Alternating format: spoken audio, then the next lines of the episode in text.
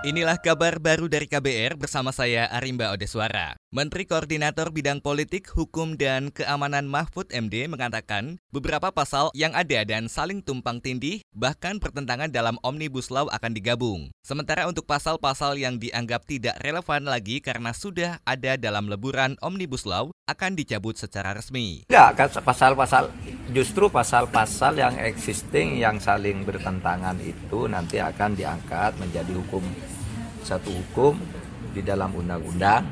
Misalnya perizinan menurut eh, dia cukai begini, menurut kelautan begini, menurut pajak begini, menurut BNN begini dan seterusnya. Menurut eh, lingkungan hidup begini diangkat. Prosedurnya satu aja gitu. Nah, masukan-masukan bisa disampaikan di DPR. Apa sih prosedur yang digandagi? Karena ini bukan politis ini lebih banyak pada mempermudah proses perizinan. Menurut Mahfud, Omnibus Law yang dibuat pemerintah tidak akan mengubah undang-undang, hanya mengatur pada tatanan pelaksanaan di lapangan saja. Maka dari itu akan ada beberapa pasal yang dilebur atau diganti. Disinggung mengenai sosialisasi Omnibus Law yang minim, Mahfud membantah hal tersebut. Menurutnya, sosialisasi sudah dilakukan pemerintah sejak pelantikan 20 Oktober 2019. Namun, Mahfud mengatakan jika dirasa kurang, maka sosialisasi dengan FGD akan terus dilanjutkan. Sementara itu, saudara, Kejaksaan Agung mengatakan terdakwa ZA yang dituduh melakukan pembunuhan berencana pada pelaku begal akan diberi pembinaan. Juru bicara Kejaksaan Agung, Haris Setiono, mengatakan pembinaan akan dilakukan di Lembaga Kesejahteraan Sosial Anak. Tuntutan pidananya adalah dilakukan pembinaan di dalam di Lembaga Kesejahteraan Sosial Anak di daerah Wajak, Malang selama satu tahun. Pembunuhan berencana, kemudian pembunuhan dan penganiayaan yang mengakibatkan mati. Sebelumnya, ZA didakwa jaksa melakukan pembunuhan berencana karena membunuh begal. ZA dinilai tidak dalam posisi membela diri sepenuhnya saat peristiwa terjadi.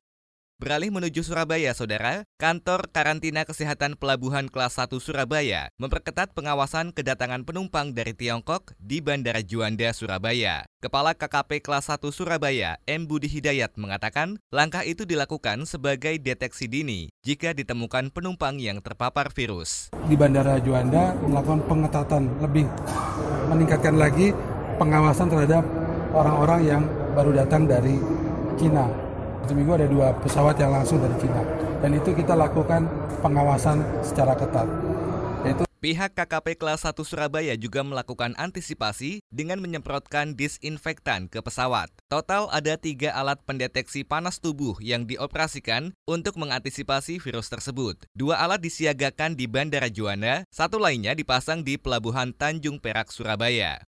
Kita beralih ke informasi mancanegara. Di Forum Ekonomi Dunia di Davos, Swiss, hari Selasa 21 Januari, Presiden Amerika Donald Trump menggembar-gemborkan apa yang disebutnya sebagai kebangkitan ekonomi di Amerika dan juga isu perubahan iklim. Tetapi, Trump tetap menjadi sorotan seiring dimulainya sidang peradilan pemakzulan di Senat. Laporan disampaikan Eva Mazriva dari VOA Washington. Pendengar para pemimpin dunia dan bisnis hari Selasa ini berkumpul di Resort Ski di Davos, Swiss untuk mengikuti pertemuan tahunan Forum Ekonomi Dunia.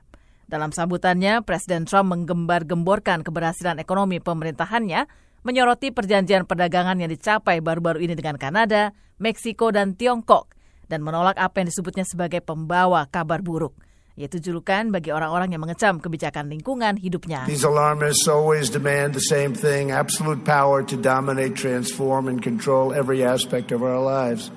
We will never let radical socialists destroy our economy, wreck our country, or eradicate our liberty. Dalam isu lingkungan hidup, Trump mengatakan Amerika akan ikut dalam rencana untuk menanam satu miliar pohon di seluruh dunia yang menurut para aktivis tidak cukup untuk memitigasi perubahan iklim. Ketika Senat Amerika melancarkan pengadilan pemakzulan terhadapnya, para analis mengatakan Trump melakukan apa yang telah dilakukan presiden-presiden Amerika sebelumnya ketika menghadapi ancaman pemakzulan, yaitu mewakili negara di luar negeri dan memproyeksikan citra bahwa semua urusan berjalan seperti biasa. Saya Masreva, VOA, Washington. Demikian kabar baru dari KBR, saya Arimba Odeswara.